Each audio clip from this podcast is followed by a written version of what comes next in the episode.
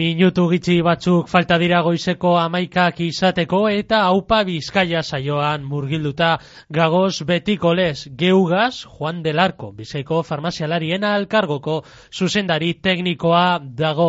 Juan, egunon. Egunon gotzal. Zer moduz astea, ondo? Bai, bai, ondo, ondo joan da, ezin gara kejatu. Mm, posten naz, antibiotikoen esparruan murgilduko gara gaurkoan, ez da? Bai, bai, ze gaixotasun infekziosoak izan dira eriotza eragile nagusiak gizateriaren ia historia osoan, Mhm. ezta? Eta hori aldatu egin zan antibiotikoak gertu ziranean. Orain dela larogei urte inguru. Eta azken hamarkadatan antibiotikoek milioika bizitza salbatu dabez. E, bakterio gaixotasun ia guztiak sendatzeko gai izan diralako. Eta horrezegaitik, ba, mm, orain dela eun urte, e, esate baterako tuberkulosia edo lepra, Oso hilkorra zan. hori, oso hilkorrak zian, eta antibiotikoak erabat aldatu eben egoera hori. Mhm. Baina, Baina, beti dago aur, beste aurpegi bat, ez da? Eta antibiotikoek be, arazoak zorrarazi aldabez. hori da. hm? Azken urteotan egoera hori aldatzen ari da. Eta aldaketa hori okerrerako da. Hor dago gakoa, ezta? Nazio batuen erakundearen ustez, antibiotikiko erresistentziaren garapena, osasun publikoko arazo handienetako bat da orain munduan. Gaur egun. Eta urte gutxi barru, arazorik larriena bihurtu daiteke. Osasun publikoko arazorik larriena bihurtu daiteke. Osea, kontutan hartzeko gauza bat. Tendentzia arriskutsua da, argi eta garbi. Hori da, gaur egun, gaur egun, urtero, urte bakotzan, hogeita mar mila pertsona baino gehiago hiltzen dira Europan, germe erresistenteek eragindako ospitale infekzioegatik. Osea, erresistentziagatik. Eta mundu osoan milioi pertsona, milioi pertsona baino gehiago. Hori urtero. Eta kalkulatzen da, hemendik eh, amarkada batera, amar milioi izatera, heldu daiteke zela. Amarkadan. Amar, ez, ez, ez, ez. Ala, urte bakotxan. Urte bakotzan. Hemendik amar urtera, urte bakotzan, Beraz? milioi bat pertsona hilko da antibiotikoen erresistentziagatik. Uhu. Ordun problema larria da. Gero ta larriagoa. Eta zergaitik gertatzen da. Bueno, mm, lehenengo jakin behar da bakterioak dirala antibiotikoko erresistentze bihurtzen diranak. Ez gizakiak, ez animaliak. Bakterioak baizik. Baina gizakiak gara erresistentzien agerpenare erantzuleak. Osea, gure erantzukizuna da. Bakterioak sortzen, dut, sortzen dabe erresistentzia, baina gure erruz.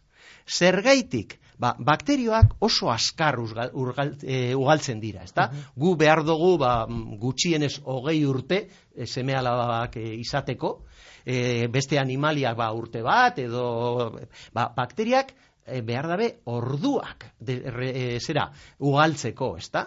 E, horrek esan nahi du oso oso e, ugaltzen direla. Eta ugaltzean mutazioak sortzen dira, gube mutazioak daukagu. Baina bakterioak askoz ere mutazio gehiago e, da, e, daukate, eh? edo dekie. E, ho- horrela funtzionatzen du evoluzioak. Eta askoz azkarragoa da evoluzioa mikroorganismoetan, animalietan edo gizakietan baino. Eta mu, mutazio horietako asko kaltegarriak dira eta jazta. Baina mm, beste mut, mm, eh, kategarriak bakterioentzat, eh? baina beste mutazio batzuek abantailak ematen dotzi. Adibidez, mutazio batek antibiotikoa erasuten dotzon bakteriaren paretearen eremua aldatu daiteke. Ordun, horrela antibiotikoak ezin izango deu bakteria horreri erasotu. Eta claro, zer egiten dugu? Bakterioak antibiotikoagaz kontaktuan ez badagoz, mutazio babesleak ez dabe aurrera egingo, ze ez dago zentzurik, ba mutazio hori, ez dago presio evolutiboa, mutazio hori aurrera jarraitzeko. Baina antibiotikoa jartzen badugu, ba presio evolutiboa lortuko deu erresistentzia ugaldu. Hau, funtzionatzen du, e, zera, beste edozein faktore evolutibo bezala, ezta? Be- be- de, demagun, ba, animalietan, ezta? E, zer, zer gertatzen da animaliekin, ez, e, ez bakterioekin. Ba, harrapakariak badagoz, mm, belar jalerik askarrenak bakarrik bizi irauten dabe. Ezta? Bai. Eta espezia bizkorrago bihurtzen da generaziotik generaziora. Mm? Baina harrapakaririk ez badagoz, espezia ez da askarrago egiten. Antibiotikoak ez balego, bakterioak be, ez zuten, ez eben sortuko e, resistentziarik. Mm? Aha.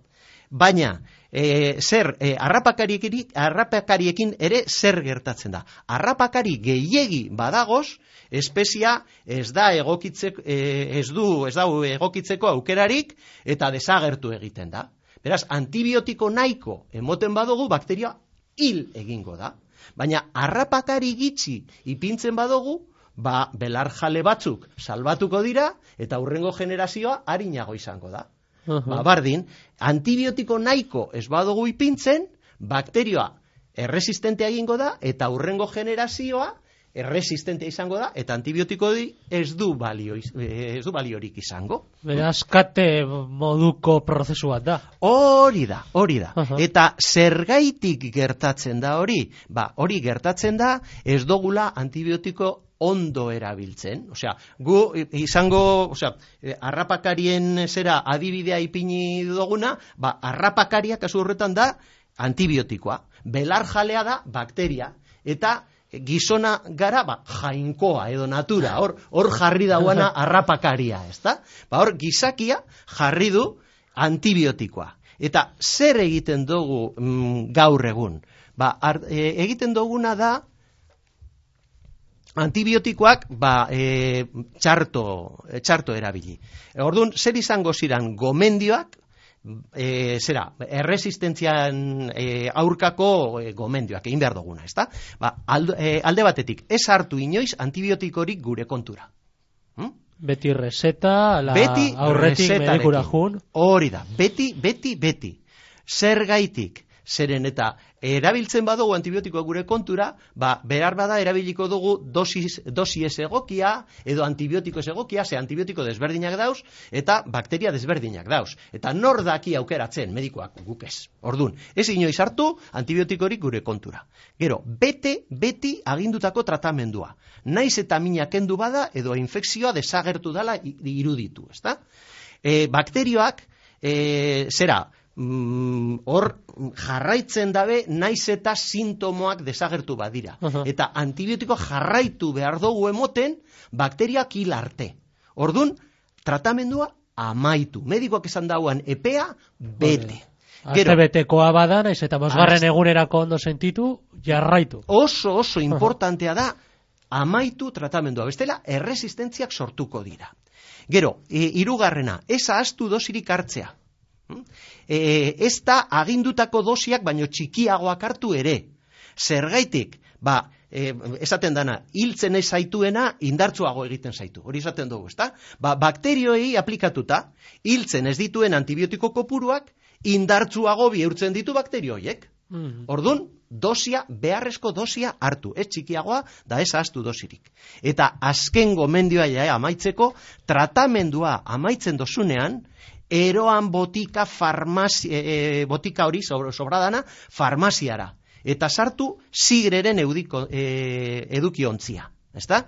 E, pilulak soberan geratzen badira, eta ez badira geratzen ere. Osea, kaja hori bota zigrera, ez gorde etxean, eta ez inoiz mesedez, inoiz ez bota zaborrera. Beti zigre kontainerrera. Zeren eta antibiotiko ondarrer. Baita blisterrari itxasitak eratzen daitezken hautz ondakinek ere. Hoiek ingurumena kutsatzen dabe. Aha. Eta erresistentziak sortzen dituzte. Beraz, garrantzitsua azkenengo gomendioa. Juan del Arco ez dakit zeo zer gehiago gehitu gurako zeunke, ala, dala Ni- esan da. Nik uste dut lau, lau gomendioak eman doguz, e, doguzala eta hori, importantea da laurak jarraitzea. Ez hartu antibiotikoak bere kontu, bakotza bere kontu, beti agindutako tratamendua e, bete eta dosiak e, hartu, agindutakoak hartu, eta e, tratamendu amaitzen dozunean farmazira joan kajarekin eta zigre eduki ontzera bota. Hori da, ba, Juan, mila esker betiko lez, eta datorren zapatura arte, Eskerrik asko zuei. agur.